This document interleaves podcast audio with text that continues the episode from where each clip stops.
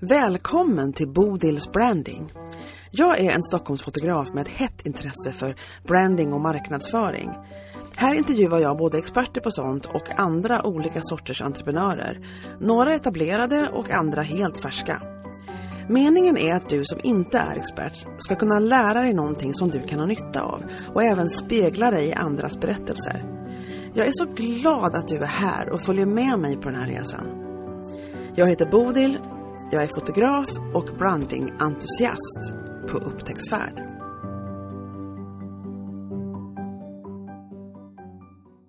Idag pratar jag med Karin som är VD för företaget eh, Dear Change och också driver medlemsplattformen Dear Change for You tillsammans med Josefin.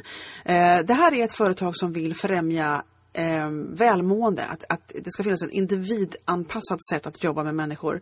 Både människor som är anställda på stora företag och människor som driver egna företag eller, eller bara driver ett liv. Liksom. Eh, resurser massa saker som man kan få hjälp av att, att må bättre. För det finns väldigt mycket människor inom företag och på andra ställen som inte mår bra. Som inte har ett liv som, som främjar deras sätt att, att liksom optimera allt de har att erbjuda. Vi pratar mycket om det här och hur så, saker kan förändras och hur den här fantastiska tjänsten som, som Karin och Josefin erbjuder och massa olika förstås deltjänster under detta tak av eh, att hjälpa människor att må bättre. Eh, och hur man liksom marknadsför ett sådant företag. För det är ju väldigt viktigt så att fler människor kan upptäcka en och man kan liksom nå flera människor med sina tjänster. Vi pratar om detta, vi pratar om en massa andra saker som det brukar vara på mina samtal här på podcasten. Och jag hoppas att du eh, har lika mycket glädje av det här samtalet som jag hade. Välkommen till Bodils Branding och nu kommer samtalet med mig och Karin. Då är det dags för Bodils Branding igen och jag har snubblat över ett företag som jag har förstått nu på lite försnacks vi haft här att det är liksom lite som två delar men under samma tak. Och jag sitter här med Karin. Välkommen till podden Karin! Tack snälla Bodil, en ära att vara här. Det är så roligt att ha dig här. Jag, jag eh, säger alltid det att jag, jag vet, en del människor som har varit med på podden känner jag och en del, men väldigt liten andel faktiskt måste jag nog ändå säga. Eh, och nu så, så jag får liksom upptäcka gästen samtidigt som jag inbillar mig att, att det gör lyssnarna också. Om det inte är någon sån här jätteföljare till er så vet de ju redan vad det är. Men, men jag har liksom nyupptäckt ert företag. Berätta vad du gör. Berätta lite om de här två delarna som du också har sagt till mig här lite innan. Gärna, det är bara spännande. Jag eh, berättar så gärna. Mitt namn är Karin Kapå Milding och jag är VD för Dear Change. Och Dear Change jobbar med strategiskt välmående. Eh, och det är oftast på företag. Vi försöker göra de här lite mjuka värdena till hårda, mätbara och faktabaserade. Och vi har en vision om att förändra Sveriges arbetsklimat, göra det mer hållbart och inkluderande. Mm. Så att, eh, med, med liksom, för att vara lite sådär ödmjuk, vi vill försöka förändra och, och mm. vi börjar med Sverige, sen tar vi världen eh, Dear Change for You jobbar vi mot privatpersoner, så det är två delar i detta. Vi gör mm. precis samma sak, men både mot företag och en mot privatpersoner. Om man säger att ni har en medlemsplattform kan man säga då för privatpersoner. Det stämmer. Vi har en medlemsplattform för privatpersoner där man kan gå in eh, och bli medlem och det är det vi kallar Dear Change for you. Så att, eh, för vi sa det, vi vill inte exkludera någon. När vi jobbar mycket med företag då är det också med individer och vi jobbar med organisationen på två olika sätt. Eh, man loggar in och man gör en välmående undersökning. Man svarar på holistiska öppna frågor. Man, genom AI får man sedan ett program som man följer via livesändningar, via bibliotek. Och för företag är ju detta otroligt viktigt. Dels för att få lite koll, hur ser det ut för mina anställda och ta puls på bolaget. Så mm. individen får ett program som man följer och parallellt så kollar vi också på organisationen. Hur ser det faktiskt ut här och vad kan man göra? Ehm, så att både individen och organisationen. Men vi fick ofta frågan, kan min fru göra detta? Kan min kusin göra detta? Och liknande. Yes. Och vi sa, ah, vi jobbar egentligen mot eh, företag. Men sen så ja. sa vi, jo, vi har en fantastisk plattform som vi arbetar med. Varför inte öppna upp det för privatpersoner? Vi vill inte exkludera någon. Mm. Så då startade vi det vi kallar Dear Change for you. Mm. Eh, som är för alla som vill. Och det är, eh, man får testa gratis först, sen så eh, ja, är det en liten summa, 169 kronor. Det är ingen bindningstid, det är inga dolda avgifter. Vi försöker vara så öppna eh, på alla sätt det kan och gå. För vi vill göra en förändring och vi vill att man ska såklart vilja göra det själva. Det är jättespännande. Vad har du för bakgrund? Vad det, vad, berätta vad du har hållit på med förut innan ni startade den här Dear Change-grejen. Ja, det, jag kan börja från början lite. Jag Absolut. har en grund inom industriell organisation och ledarskap. Jag har bott utomlands och, och, studerat mycket utomlands på Nya Zeeland, UK, Bristol och i Paris och alltid älskat kultur, människor, brunnit för det.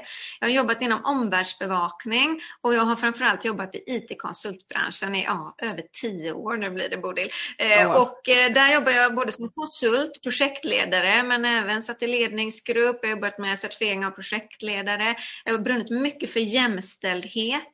Eh, var med och startade något som heter Sigma Smart Women Society här i, i västra Sverige som blev ett jättestort nätverk. Jag var med och lanserade tio olika städer innan jag slutade.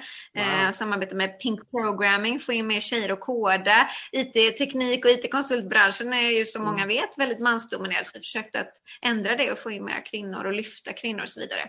Och i det här, så, och speciellt som konsult, så, så ser man mycket hur det är på bolag, hur många mår. Och jag märkte också, det var många som gick in i väggen. Det ökade, ökade ju, sjukskrivningstalen bara flög på. Och också många som mår väldigt, väldigt dåligt. Lite det här moderna som har varit. Eh, management by fear, lite Donald Trump, du vet sådär att uff, alla är så tuffa. Då kände vi att så här kan det inte fortsätta. Vi behöver någonting annat, en annan framtid för våra barn. Mm. Helt krast. Eh, mm. Om man kollar på antalet sjukskrivningar i Sverige till exempel. 46 procent av alla sjukskrivningar enligt Försäkringskassan beror på psykisk ohälsa som ofta är stressrelaterat och det är ju mm. Jätteallvarligt. Vi behöver göra någonting åt det arbetsklimatet mm. vi har. Eh, så jag var föräldraledig och i den här, i den här IT-konsultvärlden så träffade jag en kvinna som heter Josefin Sandahl. Helt fantastisk. Ibland träffar man folk som man bara känner wow, mm. eh, de har det där extra. Så vi eh, jobbade mycket tillsammans, speciellt inom jämställdhet. Och så pratar vi mycket om det här med arbetsklimat och hur man kan jobba och, och liksom göra lite mjuka värden hårda och så mm. vidare. Mm. Josefin sa upp alla sina åtaganden medan jag var mammaledig och hon började ut och föreläsa om det här. Hur kan vi förändra arbetsklimatet? Mm. Hur kan vi mm. jobba med mer liksom, engagemang och lust och så vidare? Mm. Och jag hängde med. Jag hade med Cleo, min lilla bebis på magen och hjälpte mm. henne på olika grejer och sådär. Och i detta eh, så kan man ju säga, det är lätt att snacka, men hur gör man eh, skillnad på riktigt? Och där startade Josefin det som vi kallar Dear Change, när hon började jobba ute hos företag på plats med olika delar. Det ena, individen, medarbetarens resa. För mycket handlar ju om självledarskap, självinsikt. Men mm. parallellt kan man också kolla på organisationen. Hur ser det faktiskt ut här där jag jobbar? Mm. Och sen eh, efter min föräldraledighet när jag skulle egentligen tillbaka till jobbet så fick jag frågan om att eh, börja som VD i Dear Change. Och mm. Jag gjorde ju redan det privat, tyckte det var jättekul så det var en fantastisk möjlighet. Och det är ett och ett halvt år sedan. Jag hann jobba en vecka Bodil innan pandemin slog till. Och då behövde vi digitalisera så då började vi bygga en digital plattform. Det vi hade gjort ute hos kund behövde vi digitalisera och det blev faktiskt än bättre. Mm. Så idag är allting i, format i en digital plattform och det är fantastiskt och stort. Lite som när man var mindre och kanske spelade Nintendo, man kommer in i sin egna värld där mm. allting mm. är skräddarsytt efter dig. Vi jobbar med gamification för att skapa en, eh, en slags relation med den som tittar och vi jobbar med beteendeförändring. Det här är inte bara mm. att liksom inspirera för att det är härligt utan Nej. vi vill att mår man bra så gör man bra. Det är så intressant för det, det skriver ju att ni har välkomna in i vår virtuella värld, välkomna in i vår värld. Ni ser det som att ni vill liksom promota att det här är en värld där du kan bygga upp ditt välmående i princip. Men ganska metodiskt och, och väldigt an, an, an, ambitiöst skulle jag vilja påstå. Eh, så det är inte bara liksom, eh, jag höll på att säga ordet flum. Det är väldigt ambitiöst. Det är väldigt ambitiöst. Vi sa faktiskt, man, vi har suttit i de här rummen där beslut tas. Om man mm. tänker strategiskt när det kommer till maskinpark på Volvo eller om det är IT mm. eller vad det kan vara. Men när det kommer till personal och välmående så upplever i alla fall vi att man inte tänker strategiskt på samma sätt och det är inte heller alltid samma budget. Och det tyckte vi var fel. Vi känner att det är mm. här man ska tänka strategiskt, långsiktigt. Mm. Och vi började liksom kolla lite hur ser det faktiskt ut i Sverige idag? Vad är lösningen på det här med personal och välmående och så vidare. Friskvårdsbidraget, det är ofta det som är, är lösningen. Och vi började kolla på det, och prata med forskare och de sa det att friskvårdsbidraget riktar sig bara till friskgrupper, inte till riskgrupper. Alltså de som ändå mm. skulle gå och träna eller ta en massage, det är de som använder friskvårdsbidraget. Sen användarantalet där man faktiskt ser de som väl går till gymmet och så vidare. Och så vidare. Det är så, ursäkta mig, pinsamt lågt. Så att jag tror jag såg en studie nu om det är tre miljarder som ligger liksom undanstoppat i olika byrålådor i oanvända träningskort. Så det innebär det är en passiv lösning. Sveriges svar på hur man ska hantera bland annat välmående på arbetsplatser är en passiv lösning. Och det kände vi att nej, så kan det inte vara. Vi behöver en aktiv lösning. Och det var där Dear Change startade. Ja, det är ehm. fantastiskt roligt. Det, och det här tycker jag är så spännande också för att man har ju, det är någonting som man har beror, Ni var inne i organisationer och såg att det här är fel, plus att ni hade förstås upptäckt, antar jag, at some point, de här siffrorna på hur illa ställt det faktiskt var. Eh, kände ni någon gång att, för jag, för jag tror att det här är så intressant med entreprenörer, för man, man kommer på en idé, man får, en, man får någon slags, någonting som kommer till en och sen, blir, sen, sen växer passionen för den här frågan eller den här äh, lösningen eller, eller vad det är för någonting man vill erbjuda. Och då är det som att, att man man kan liksom inte, det ger så mycket energi. Det, jag, tror, jag tror man går på adrenalin alltså när man bygger saker, man bygger som ni gör. Nu har ni haft ett tag så det är inte helt nya. Men, men sen så, och då tänker jag, känner ni någon gång, för jag menar att man kan, man är extremt positiv när man börjar bygga, men känner ni någon gång liksom att det kanske är så att det här inte går. För att organisationerna ser ut som de gör, för det är så invant, för att det är som det är. Har ni haft sådana, jag menar, det kan ni säkert gjort, ni har säkert haft det. Men eh, vad säger du själv om det? Ja, eh, absolut. Det här är ju ofta tyvärr eh, eh, ibland dinosaurier man ska övertyga. Ja. Och det var då vi behövde göra lite de här mjuka värdena hårda. Vi behövde visa i siffror hur det faktiskt ser ut. Vi behövde ja. göra det med forskning. Vi skapar vårt eget forskarråd. Vi har alltså Dear Change mm. forskarråd. Så det går inte att komma undan. Vi kan visa mm. direkt, vad säger siffrorna? Till exempel att en person blir långtidssjukskriven kostar 250 000 kronor. Att mm. en person slutar på ett bolag, det handlar om nästan halv miljon kronor. Man behöver sätta in nya annonser, mm. starta rekrytering och så vidare. Och så vidare. Mm. Vi pratar om engagemang. Gallup mm. visar nu att 14 procent av svenskarna är engagerade i sina arbetsplatser idag bara 14 procent. Det är wow. ingenting. Och Nej. det också se studier, bara av att höja en persons engagemang med nästan 20 procent så handlar det om nästan en halv miljon kronor. Man kan alltså det finns pengar ja, i att ha medarbetare som mår bra, som är engagerade. Och vi pratade också om att vi har ett liv, Bodil. Mm. Alltså så som jag mår privat påverkar mig på jobbet och vice mm. versa. Vi såg en studie nu, lite nördare detta då, du får ursäkta mig. Ja, det gör verkligen ingenting. Eh, tydligt. Eh, man följde nio stora bolag här i Stockholm. Mm. Och eh, Då kunde man följa medarbetare som genomgick en skilsmässa under ett och ett halvt år ungefär och inte tog ut en sjukdag. Och det var jätteintressant för då såg man att under ett och ett halvt år, man går igenom en skilsmässa, det är trauma, en separation. Mm. Eh, då gick man ner ungefär på ett och ett halvt år ungefär 20 procent i produktivitet. Och så är det väl, man är liksom lite ledsen och så vidare. Och så vidare. Man går ändå till jobbet. Ja, ja, man går ner 20 procent produktivitet. Omvärderar man det i pengar så handlar det om mellan 400 000 till 500 000 kronor som företaget mm. direkt förlorar eh, på grund av detta. De bolagen som direkt vid en skilsmässa med någon av medarbetarna då som genomgår skilsmässa, alltså gjorde någon form av aktiv insats, till exempel samtalsterapeut eller liknande, de kunde man se tydligt, de hade 0 bortfall och kanske inte gladare men starkare medarbetare. Så tänk mm. då att sätta in, nu bara jag gissar, en, en, psykolog för x antal tusen, kanske 10 000 kronor. Då har du ändå sparat nästan 490 000 mm. kronor. Mm. Så det gäller att man behöver som företag tänka lite annorlunda och, mm. och också ta fram mer empati, bry sig, för det här kan också kopplas till lönsamhet. Mm. Alltså det här är så intressant, för du sa förut, du sa, två gånger har du sagt att göra om mjuka värden till hårda. Och när du sa det första gången tänkte jag, nu sa hon nog tvärtom, nu sa hon fel. Förstår att göra om, att göra hårda värden till mjuka. Men så inser jag, att det är exakt det du menar. Det är exakt det du menar. Och det, det är det som är så intressant för att jag tror att det här med vad man investerar i som företagare, som ägande av ett företag, det är någonting som, som inte alltid är självklart ehm, effektivt, om man säger så. Eh, beroende på vilka tjänster man än köper in så är det olika effektivt. Och jag tror att en del som håller på länge kanske och som har liksom förebilder som är på ett speciellt sätt som det har varit i näringsliv och sådana saker lång tid. Kan, liksom, det är svårt att tänka om men om man pratar om det som ni gör, pratar om, jag antar när ni, när ni närmar er företag som ni vill jobba med, eh, så är det ju, handlar om att så här mycket pengar pratar vi om. Det här är verkligen reda pengar, det här är någonting som är värt att investera i för att få någonting tillbaka. Och så är det med alla investeringar som man gör när man inte kastar pengarna i sjön, vilket händer ibland om man inte tänker till. Så. Mm. Precis, och det, och det är viktigare än någonsin Bodil. Vi kollar jättemycket mm. som sagt på forskning och studier framåt mm. och så vidare. Och, så vidare. och framtidens företag måste jobba strategiskt med välmående. Mm. Det finns egentligen ingenting, eh, vi måste göra det. Vi var på Västsvenska mm. handelskammaren nu och höll föreläsningar där vi pratade om det här och, och just hur ser det ut och, och, nya generationen, vad kräver den nya generationen? Mm. Det är kompetensbrist på många områden idag. Det visar studier, kommer bli än svårare i framtiden. Och vad är det då som krävs? Vad är det som behövs? Behövs.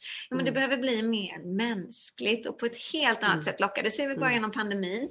Gör man undersökningar så ser man också hur viktigt det är för människor nu att till exempel jobba hemifrån och så vidare. Och så vidare. Men det är också individuellt. Det är det vi försöker med vår plattform. Att säga, det är individuellt. Det som du svarar kanske inte jag svarar och det som mm. han behöver kanske inte jag behöver, mm. utan man får utgå ifrån sig själv. Det visar mm. också studier när man har eh, riktade insättningar eller till exempel mm. återkoppling eller vad det nu kan mm. vara på en person. Om man kollar på en person, vad behöver han eller hon och bara det själv, försöka väcka, vad är mm. viktigt för mig? Då ger det otroliga resultat. För det är inte alla ja. som ställer sig den frågan, vad är viktigt för mig? Vad behöver jag? Och det mm. kanske inte är antal timmar man jobbar utan hur jobbar du? Mm. Och så vidare. Det där är jätteintressant för jag vet till exempel att, att man, man är så olika på hur, vad man behöver. för det, det handlar mycket om, Man hör mycket om att, att äh, skaffa eller eftersträva på något vis balans balans mellan jobb, balans mellan återhämtning och balans med sådana saker. Och jag, och jag tror att där är folk så olika, hur mycket återhämtning man behöver beroende på vad man håller på med, vad som, vad som känns som återhämtning för en, när, eller någon slags eh, vila från jobb och någon annan behöver något helt annat. Så det är jätteintressant att er plattform är så individanpassad antar jag, man går in och gör tester och sånt. Men, mm. Så plattformen, så det är så jag, nu har vi ganska bra, god koll på i alla fall vad som är drivet bakom det ni håller på med. Men jag är så intresserad av, för det här är något som behövs extremt mycket och, och ju fler och fler tror jag företagsledare kommer förstå det så småningom. Det är en långsam, långsam men dock utveckling och utbildning i det här. Eh, men jag tänker också på, nu måste ni, för ni har den här fantastiska tjänsten och ni, ni har tänkt igenom det här ordentligt och ni är väldigt metodiska och ni är väldigt ambitiösa. Men, men sen måste ni ju ut och upptäckas. Så att ni måste liksom ha en marknadsföringsdel i det här. Det, det spelar ingen roll hur gott, gott man vill världen, man måste ju någonstans bli upptäckt. Så hur har ni jobbat där? Det är jättebra fråga. Den är jätte jätteviktig, så är det faktiskt. Mm. Och vi står ju ofta bredvid, det är inte, jag skulle säga nästan någon som gör det vi gör. För det är ofta mm. när vi kollar till exempel konkurrensanalyser och liknande så finns det många företag som mäter mycket idag. Man mäter i pulsmätningar, hur ser det ut, hur mår ni, hur mår ni? Men det är inte så många som tar hand om resultatet. Och det upplevde vi att oh, mm. alla chefer, alla HR, de har så mycket att göra. Det är ingen som har tid att ta hand om allt resultat. Sen har vi, så ena sidan är det många bolag som mäter och sen har vi nästa del där det är många fler som jobbar för förebyggande och det är ganska stora kolosser. Vi vill ju ha någonting mittemellan som gör både, både mm. mäta men också faktiskt ta hand om det som kommer fram, att man får en individuell plan och så vidare. Och så vidare. Mm. Men det gör att man syns i det här brus, bruset, precis mm. som du säger. Och vi är ingen stor organisation om man jämför med många andra. Mm. Så då gör vi på olika sätt. I början vi jobbar mycket med gerillamarknadsföring. Alltså att synas och marknadsföras genom minimala resurser, ibland mm. ingenting. Vi försöker driva den här frågan aktivt så att vi syns mycket i sociala medier, framförallt LinkedIn, Instagram, Facebook. Vi finns även på TikTok. Vi, har, vi kommer från IT-konsultvärlden där det är otroligt ja. viktigt att vara professionell eh, ut i minsta detalj. Vi försöker ha kvar den, men också ta in lite av det nya. Du vet lite influencer, stuk mm. och så vidare. Så vi har gjort till exempel mukbangs på Youtube. Alltså när man sitter, det kommer från Korea, mukbang betyder typ matsändning. Så vi har beställt mat från en restaurang här i Göteborgsområdet till exempel och så får olika följare ställa frågor till oss och svara på frågor medan vi äter. Det är en mukbang. Eh, okay. Sånt har vi gjort för att försöka liva upp lite. Det är inte jättevanligt i företagsvärlden men det vill vi få in lite av det här nytänket. Eh, vi, ja, vad gör vi mer? Vi är med i olika podcast ibland som det här. Vi var ju med som sagt och föreläste Västsvenska handelskammaren. Vi är ute på bolag och föreläser. Vi försöker vara aktiva i den här frågan mm. på många olika sätt.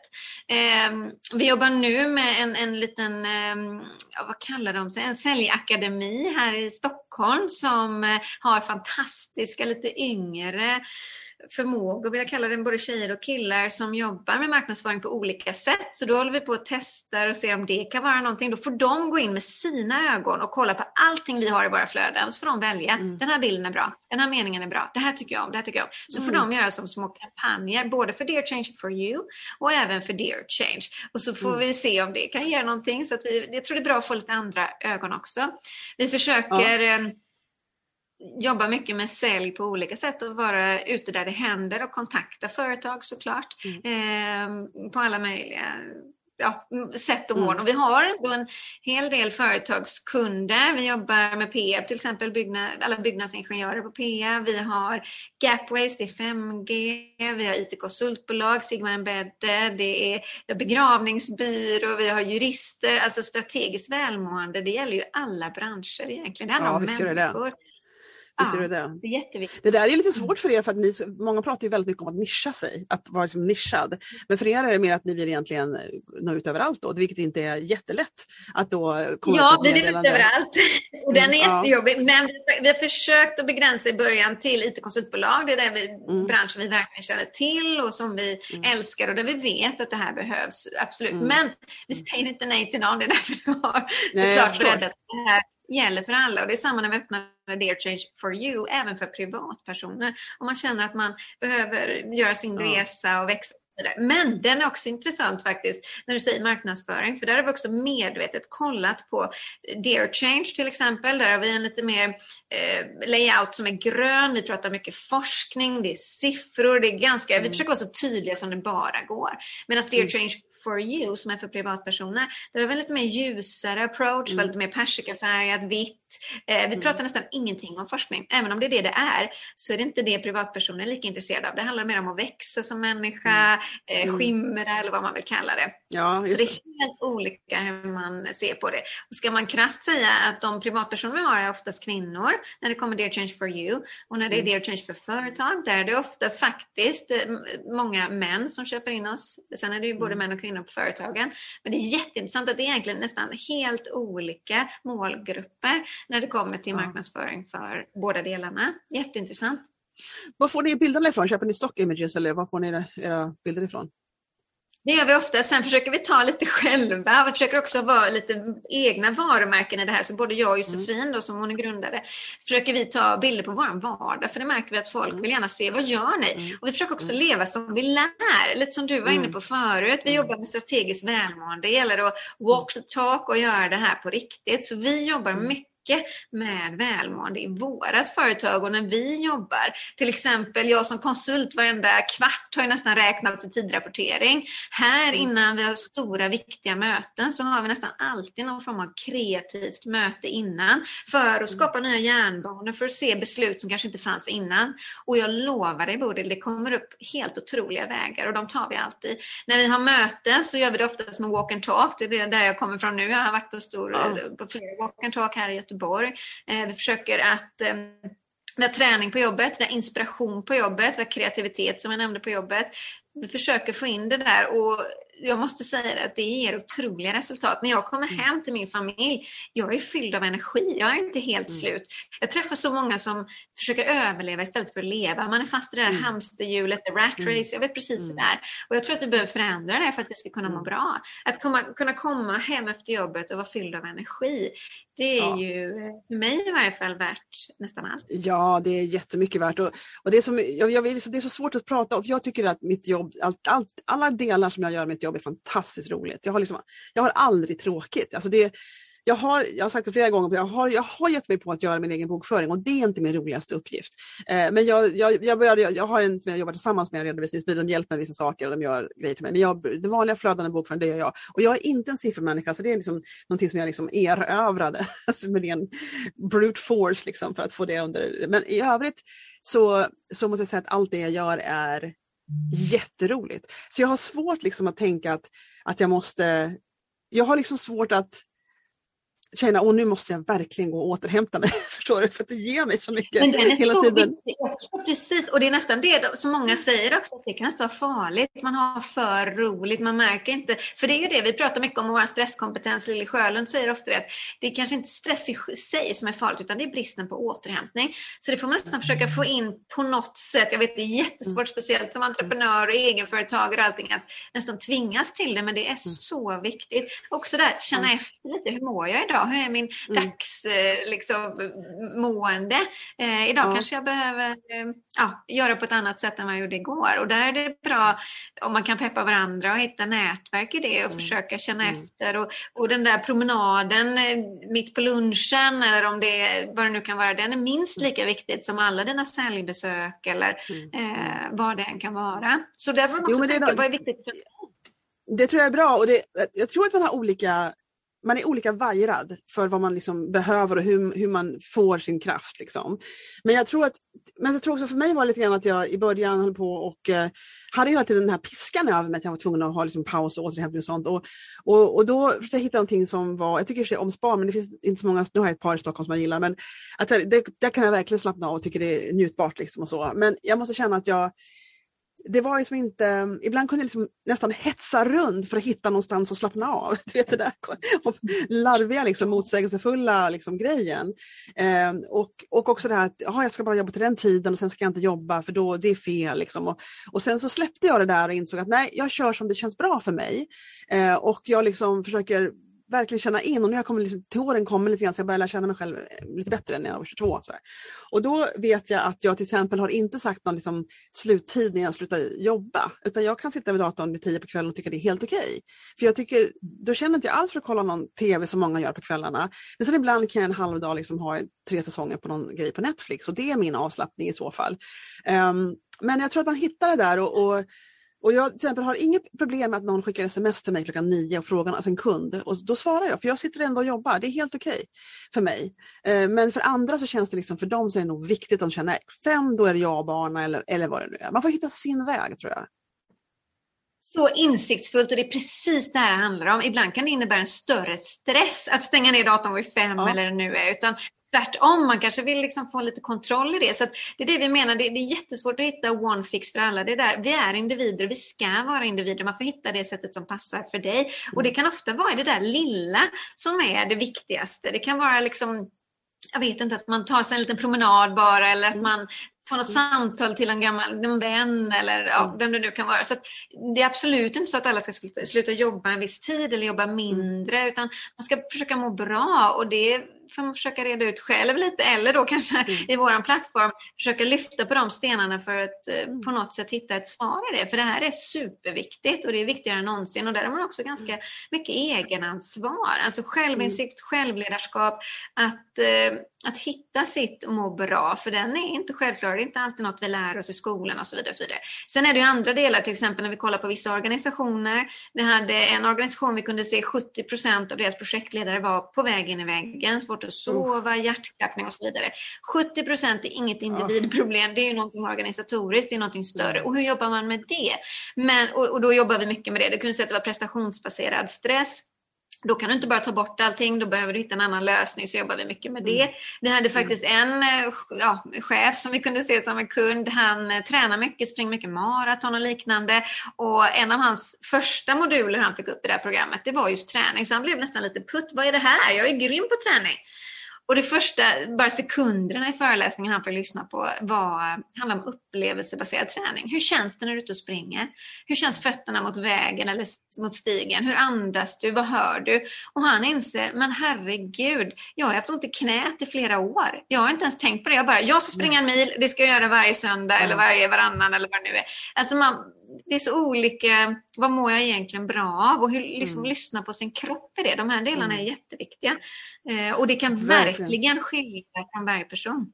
Mm. Verkligen, och jag tror att någonting som man ska arbeta upp mycket som jag tror är väldigt viktigt när det handlar om att leva sitt liv i princip. Jag brukar säga det jätteofta att, att driva företag och, och liksom driva ett liv, det är, samma, det är samma sak. Det är samma skillset, det är samma, det är samma alltihopa det här. Um, ja. och, och det, visst, är, visst känns det så? Och, det, visst, vad säger du? Verkligen, vad vackert vackert eh, beskrivet tycker jag. Och det är precis så det är och det här är ju när man också gör någonting verkligen med hjärtat hjärtat och på alla sätt, då blir det så himla verkligt. Och lite som du var inne på förut, hur syns man i det här då? Hur får man allting att gå runt? Det är en sak man har en grym produkt och allting är jättebra, mm. men syns det inte så finns det inte det här lite klassiska. Så det gäller mm. att, att också kunna alla delar, försäljning, mm. marknadsföring, mm. personal, ja vad det nu än är. Och mm. där till exempel, som vi nämnde tidigare, den här influencervärlden och lite det nya, det digitala. Det finns massor att lära sig där. Där vet du bättre än mig, men till exempel när man lägger ut på Instagram eller liknande, att det är viktigt att göra reels när man gör videos för det syns mer, du får mer träffar. Mm. Eh, TikTok då som är, är, den absolut största plattformen som kommer nu och inte bara för unga. Jag träffade en, mm. en kollega som är ja, har ett stort elbolag här i Göteborg och han pratar om att när han rekryterar, han finns på TikTok för det, det är där de han rekryterar sen liksom mm. finns. Men även nu visar ju visar det jättemycket studier att på TikTok, det, det är som de som växer mest, det är kvinnor i åldern 45 på TikTok. Så really? det här är, ja, det händer jättemycket och det, liksom, det här är nu, nu, nu, nu. Så vi måste mm. finnas där. Det är inte bara för mm. barn utan tvärtom. Eh, jag tror det är så intressant det, det för jag tror att många som driver företag, så, eller äh, människor i allmänhet, och, men om vi snackar om företagare nu, så, så finns det liksom en, om man inte är van vid att, att uh, vara med själv, det är många som inte vill visa upp sig själva i flödet, de är svårt att se sig själva i flödet. Eh, och, och det här är någon, för en del så är det som en tröskel att komma över och tycka att det är okej. Okay. Och, och, eh, och jag förstår grejen, alltså jag har ju fotograferat så mycket människor, jag har hållit på tio år som fotograf och, och jag vet att folk har liksom problem att liksom visa upp sig och de blir, det är känsligt, liksom, vilket jag tycker man kan ha respekt för. Men om man ska ha liksom ett företag att driva, och då måste man måste på sociala medier, måste se det som en vanlig arbetsuppgift. Det är precis som att borsta tänderna för en företagare att vara på sociala medier.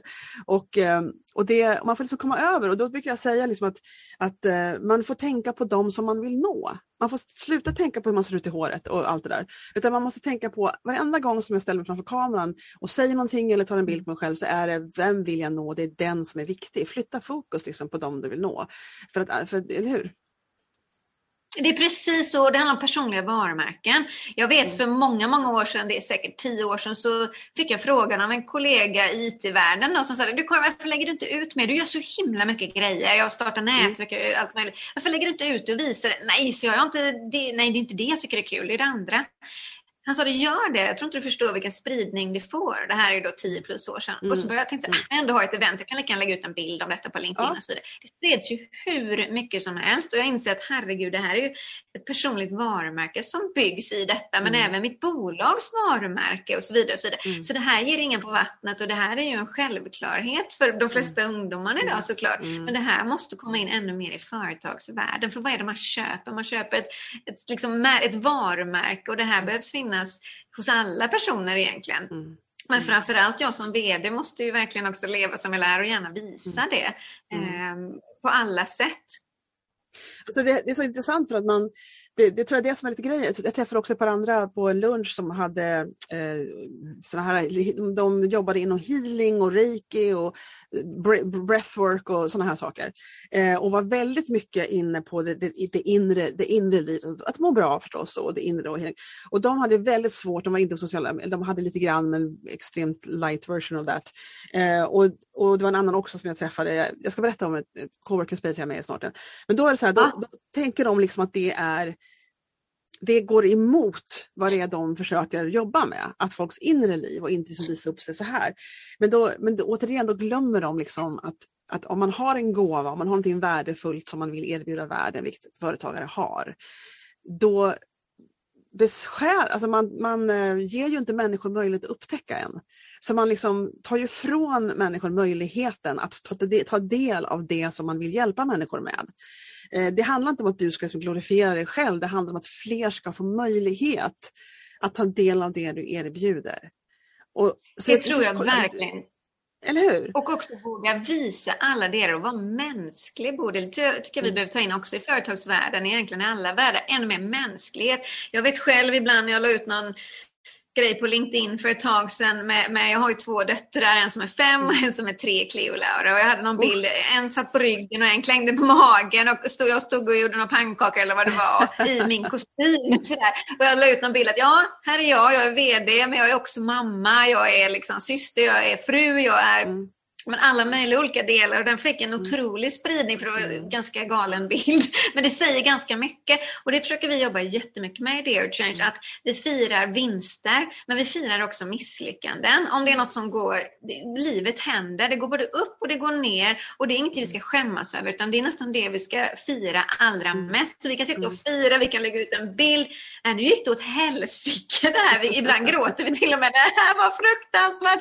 Nu firar vi kombucha eller vad det nu kan vara. Nu tar vi en bulle eller vad det nu kan vara. Mm. Det ska också eh, liksom uppmärksammas. Det ska inte vara fel att göra mm. fel utan det ska vara en mm. del i processen och tvärtom omfamnas. Det kanske är då man behöver fira som mest och visa det också. Det är inte bara när det går bra. Alltså jag tror i princip det, det finns inga misstag egentligen. Alltså man, klart man hade velat gå en annan väg och så kom man på den vägen man inte hade föredragit. Men, men alla, allting är ju vägen framåt i utveckling, alltså oavsett vad som händer i princip. Verkligen så är det. Men du vet, det är så många och jag möter så många, speciellt tjejer, duktiga flickor som man kallar det också. Där, och vi pratade, det är mycket prestationssamhälle där misslyckande mm. kan vara fruktansvärt just för ens mm. egen självkänsla och självförtroende. Det här behöver vi prata mer om och lyfta mm. och, och, skapa också en annan en kultur och framförallt i företagsvärlden eh, att det är okej, okay, att det är, mm. det är mänskligt och det är som du säger, det, vi ska mm. inte ens använda ordet misslyckande utan lärande är det. Det mm. här är viktigare än någonsin någonsin. Jag lyssnade på en, en sån TED-talks med Camilla Lundin som vi faktiskt hade i plattformen nu som handlade om just duktiga flickor och var mm. det börjar och, och hur man kan förändra det bara genom ord. Och vad händer i oss? Och det här gäller ju de flesta, som den här chefen som jag pratade om som, som springer liksom maraton bara för att han har inte ens känt att han är flera år ont i knät eller vad det nu kan vara. Och det betyder inte att man bara ska lägga sig ner och liksom vara jättenöjd och, och kolla på mm. havet eller vad det är man vill göra. Det kan man också göra. Men det finns ju också en, en drivkraft att och liksom komma framåt och sätta mål. Och jag har alltid älskat det. Jag vet när jag var yngre och, och pluggade och, och bodde i Paris och liknande. Jag hade ett motto, jag tror det är Eleanor Roosevelt som sa det det du inte kan göra, det måste du göra. Så jag var också sådär, nej ska jag gå den där kursen? Eller ska jag... Jo, om du inte tror att du kan göra det, du måste göra det. Så jag, jag har ju fått göra helt galna saker Bodil som jag egentligen kanske inte ens har velat göra. Ja. Eller ja, du vet så. Eh, flyga hit eller stå på en scen där eller ta det där jobbet och så vidare. Och, så vidare. och jag älskar det, jag ångrar inte en sekund. Men mm. däremot nu när jag är äldre så försöker jag tänka, nej jag får nog känna efter även om jag kanske inte tror att jag kan det så får jag känna, vill jag det verkligen? Ja, eller ja, var det, det Man måste göra det bara för att man inte kan. Så man får vara snäll mot sig själv men också inte heller dämpa. Det, det är viktigt att eh, om man vill framåt så, så ska man också vara stolt över det absolut och utmana sig själv. Jag vet en, en eh, man som driver en podcast i USA, han, han har en t-shirt tillverkningssidgig sådär. Där det står, han har olika, och som, det finns ju företag där man kan vara designa och de skeppar och allt det här. Liksom. Och han berättar om det ibland och han har en t-shirt som heter Do something new every day och han försöker verkligen att lära sig nya saker. Alltså det kan vara från steppa till plantera rosor. Alltså för att få nya, prova nya saker eh, så man inte hamnar i, i, samma sak. Jag tycker det är spännande. Jag har nog varit en sån där som kastar mig ut ganska mycket och vågar mig på och tror liksom att det ska funka. Jag vet, det började redan som barn när jag, liksom, jag var lilla syster och min brorsa var lite mera eftertänksam kan man väl säga. Vi är väldigt olika han och jag. Och han är fyra år äldre. Och då, jag var en sån där som hoppade i vattnet och sjönk som en sten för att nästa gång jag hoppar så kommer jag kunna simma bara så automatiskt. Eh, så, man, så mina föräldrar var tvungna att ha liksom benkoll på vart mitt huvud, att det stack upp över vattenytan hela tiden. För jag var liksom, och, och så har jag liksom lite levt mitt liv, jag provar saker. Och, och det är inte det att man måste vara sån, men för mig har det funkat bra. För jag har varit ganska säker på att det kan bli att, det, alltså, alltså att, att, nu, att, det, att nuläget inte definierar framtidsläget.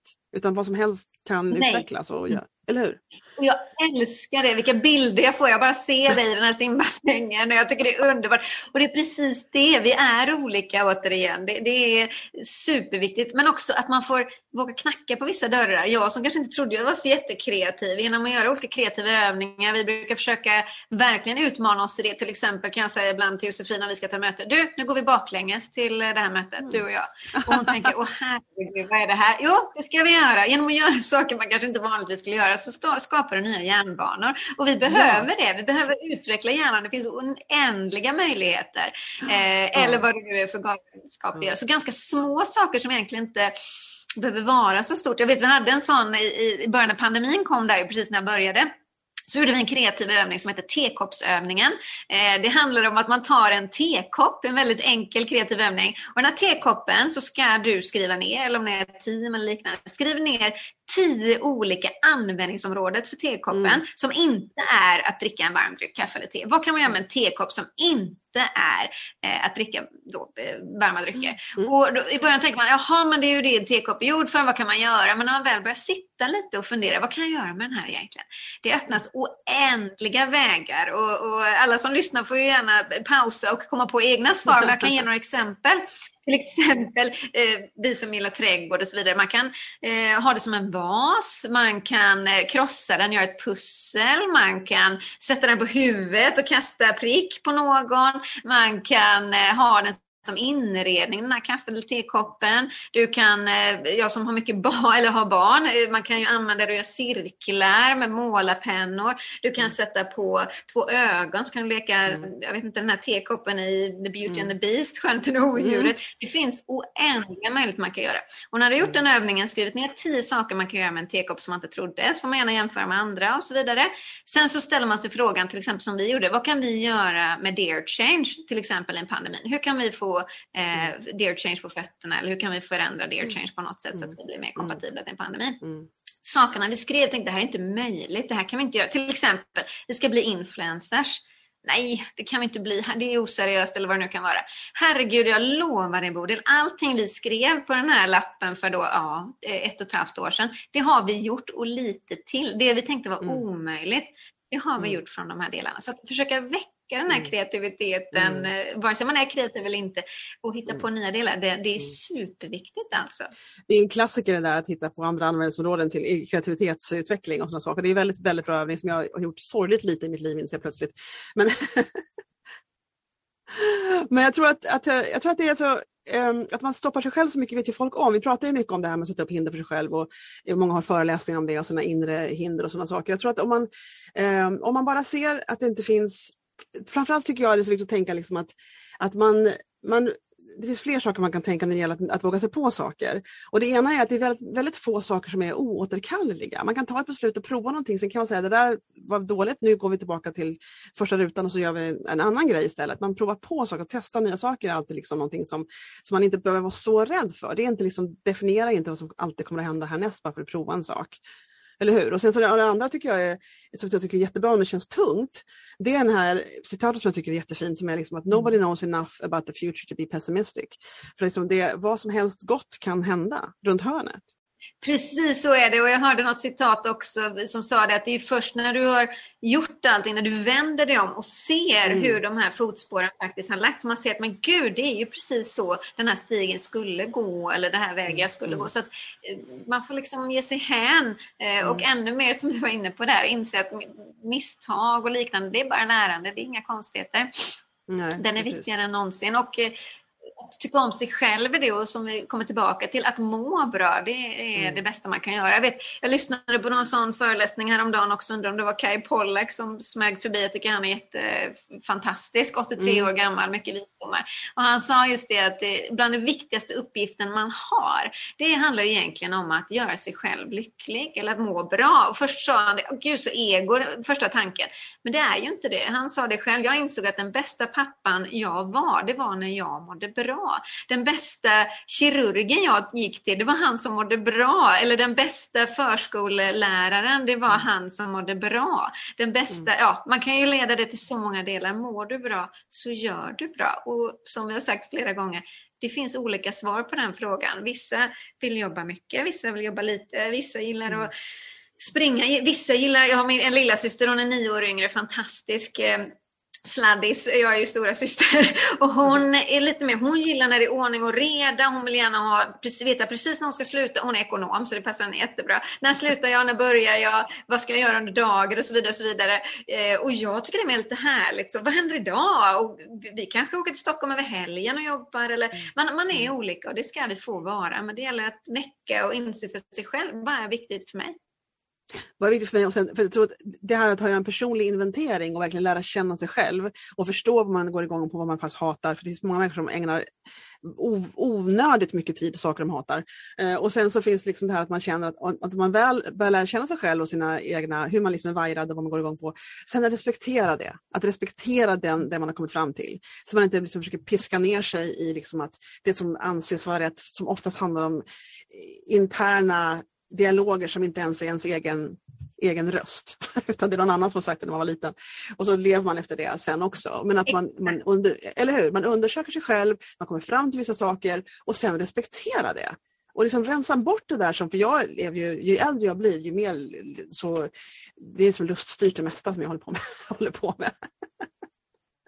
så är det för mig. Jag älskar det och det är precis det vi pratar om, att livet ska vara lustfyllt. Det är inte något du bara ska överleva utan det ska vara lustfyllt för det kan mm. vara det, det ska vara det.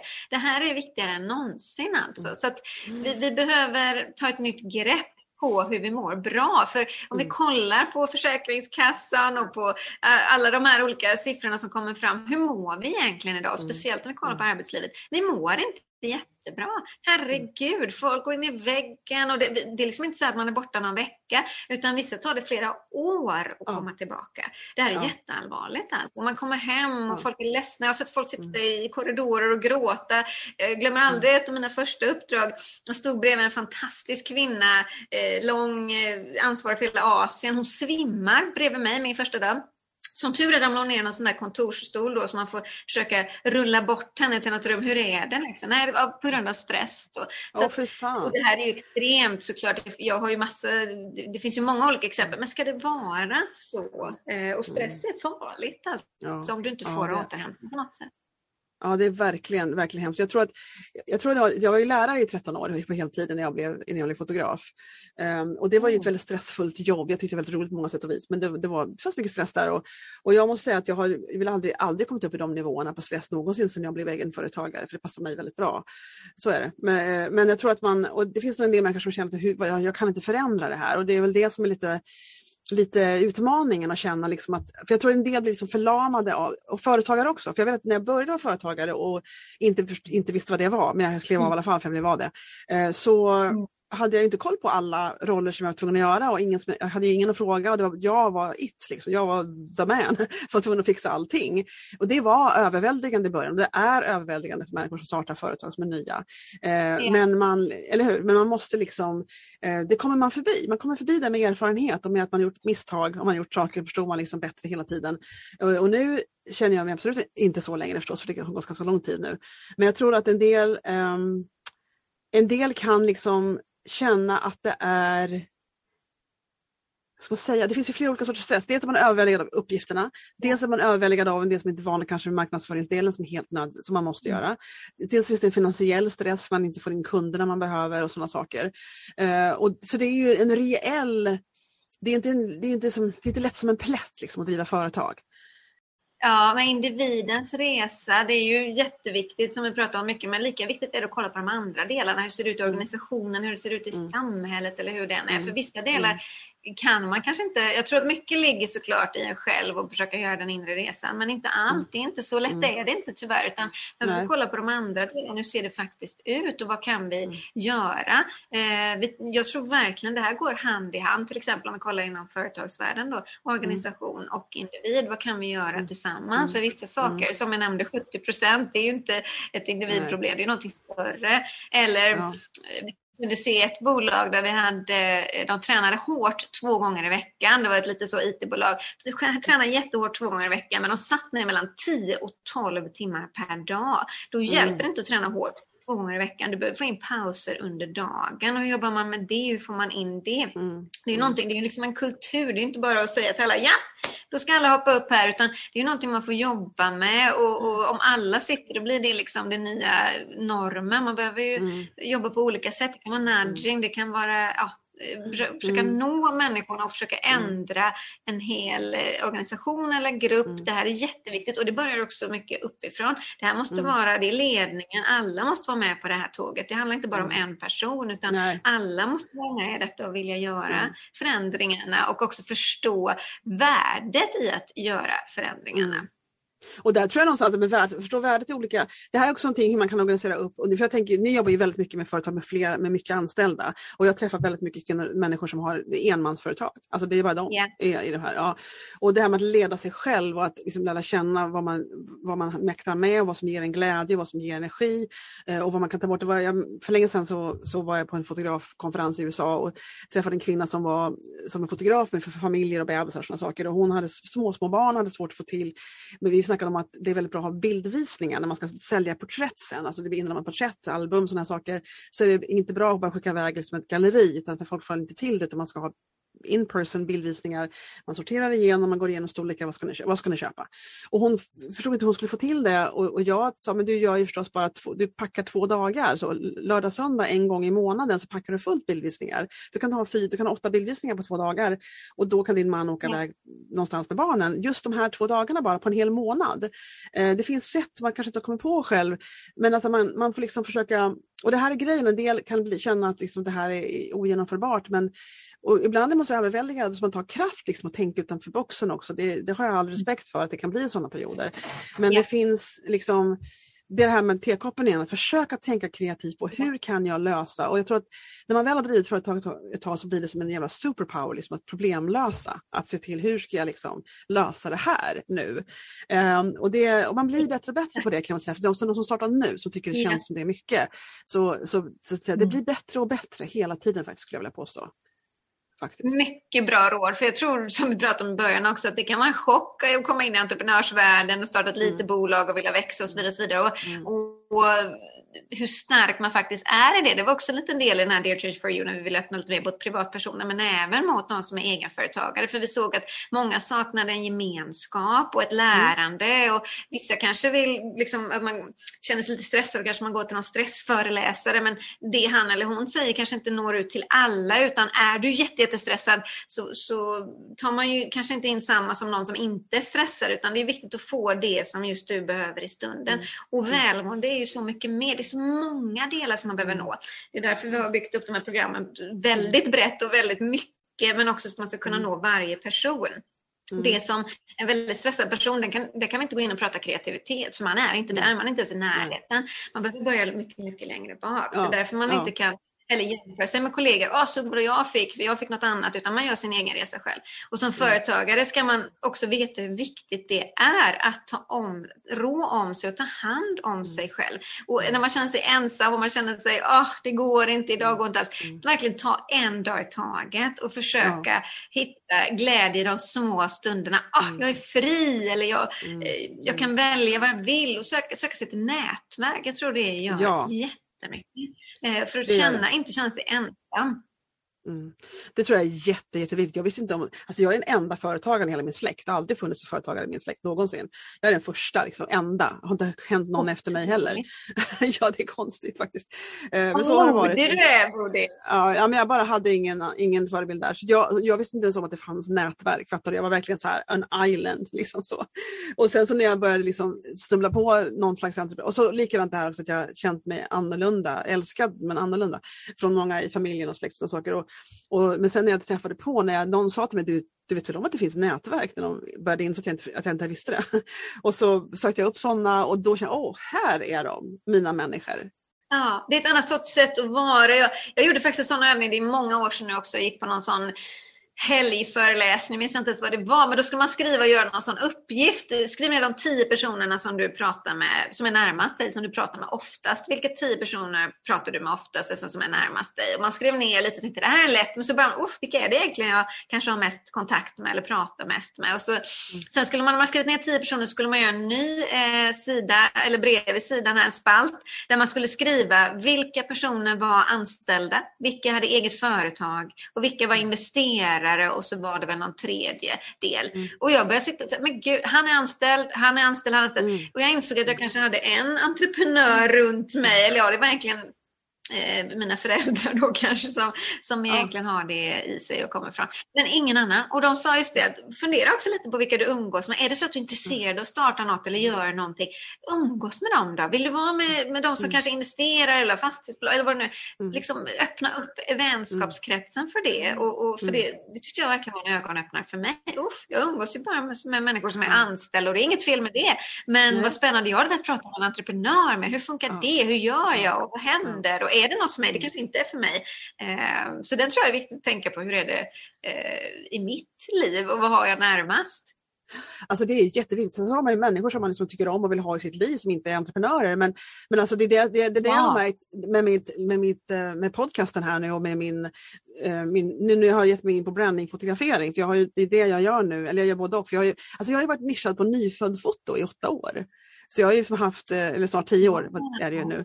Eh, Så det är små bebisar inom två veckor, det är familjer, det är ny, alltså min enda målgrupp var gravida kvinnor. Liksom. Det var den enda jag hade. Och, så, och det har jag hållit på med ganska länge och det är fantastiskt att göra det, jag gör det fortfarande. Det är en, men det är en helt annan målgrupp. Och sen när jag upptäckte en brandingfotografering eh, som en genre som inte har funnits så länge, Eh, framförallt inte i Sverige. I, USA har det funnits kanske fyra, fem år. Alltså väldigt ny genre. För det är en speciell inriktning på att man fotograferar entreprenörer för deras sociala medier, kvalitetsbilder, grejer som de får, så de får mycket bilder på en gång. Och, och jag har alltid varit intresserad av företagande, entreprenörskap, marknadsföring sen jag började med bebisarna. Liksom. Eh, och det har varit en Ah. jätteintresse för mig. Så jag har följt bloggar, jag har lyssnat på poddar, jag liksom kan mycket om det för att jag har varit så intresserad. Så när den här genren kom upp för mig så var det som att självklart för mig att ge mig på det. Men det är en helt helt annan målgrupp, en kundgrupp.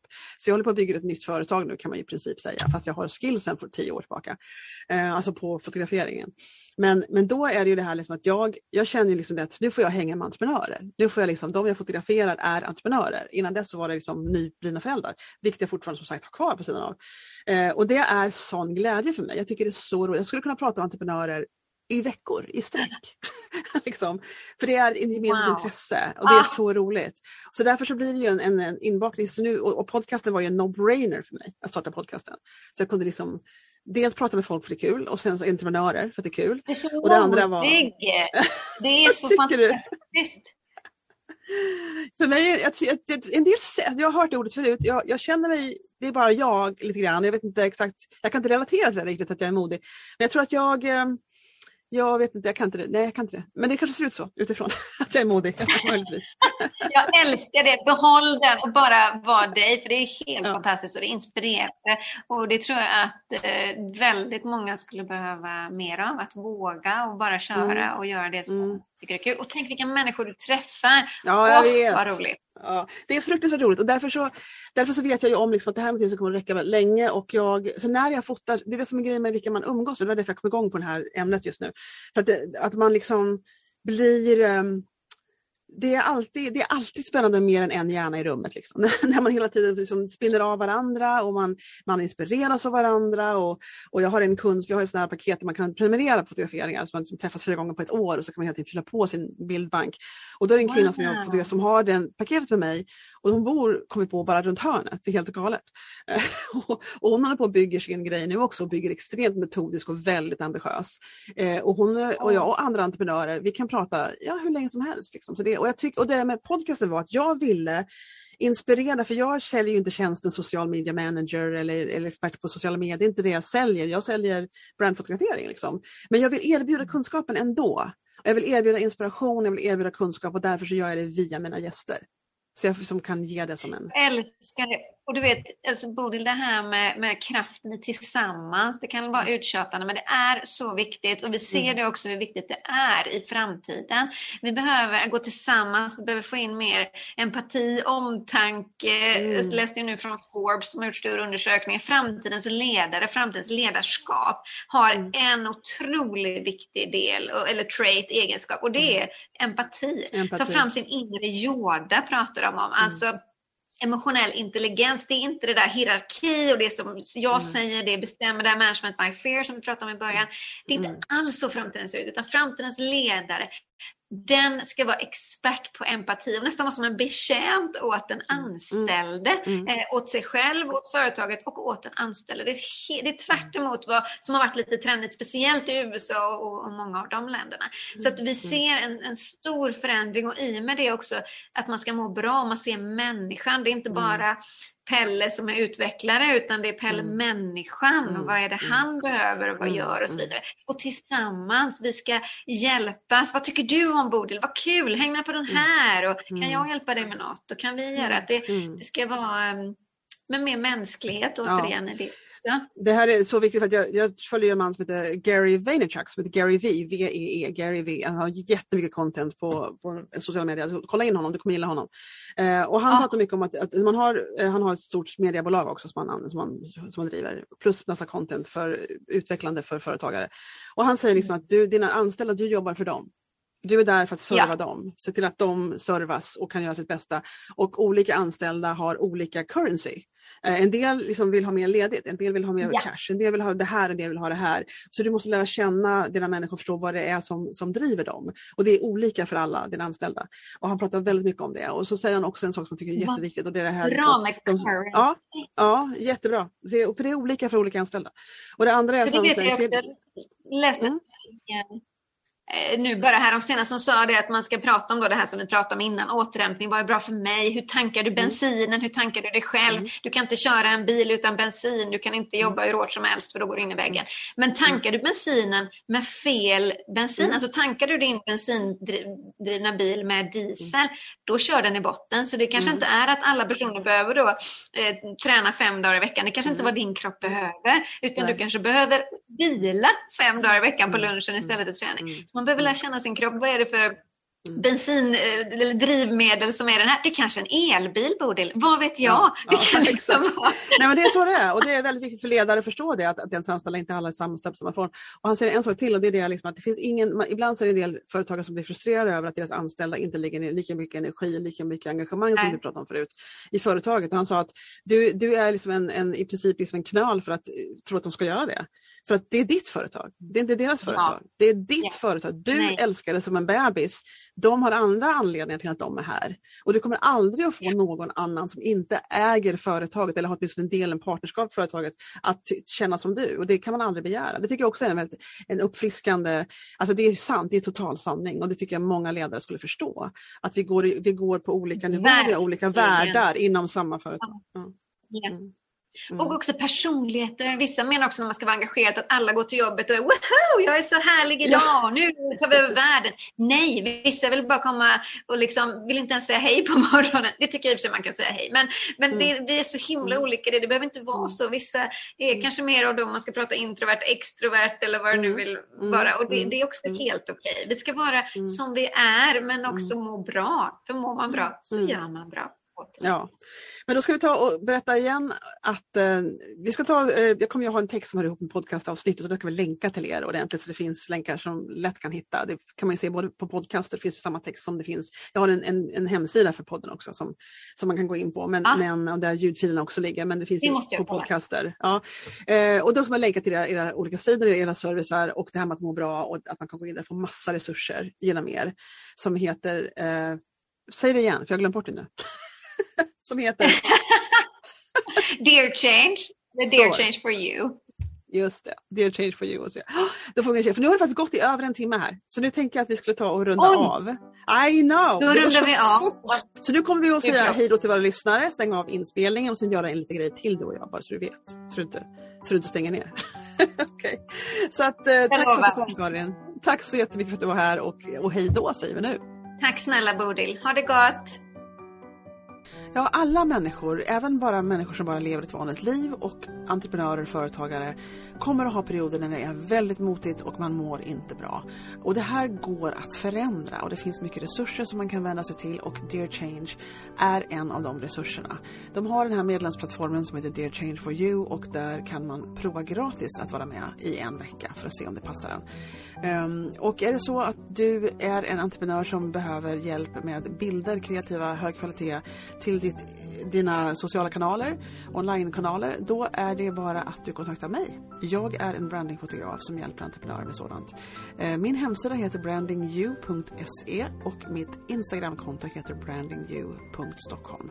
Den här podcasten som jag har så extremt roligt att, att göra, att prata med de här entreprenörerna varje vecka, eh, den är du välkommen tillbaka till nästa lördag. Varje lördag kommer ett nytt avsnitt och ingen kunde vara gladare än jag. Tycker du om den här podcasten så, är det, så vore jag också tacksam om du går in och ger ett litet review. Eh, för då är det nämligen så att fler upptäcker den som kanske aldrig hade upptäckt den annars. Det vill vi ju väldigt gärna. I övrigt så är det bara att ta kontakt med mig om det är någonting du vill fråga eller undra och då är det bara att skicka ett DM eller ett mail så, så blir jag glad över det också. Det är väldigt kul att ha kontakt med människor och det, det är ingenting att vara blyg över. Det är bara att sätta igång och kontakta mig om du känner att du vill det. Eh, annars så ses vi igen nästa lördag på nästa podcastavsnitt. Ha det så bra tills dess. Hej då!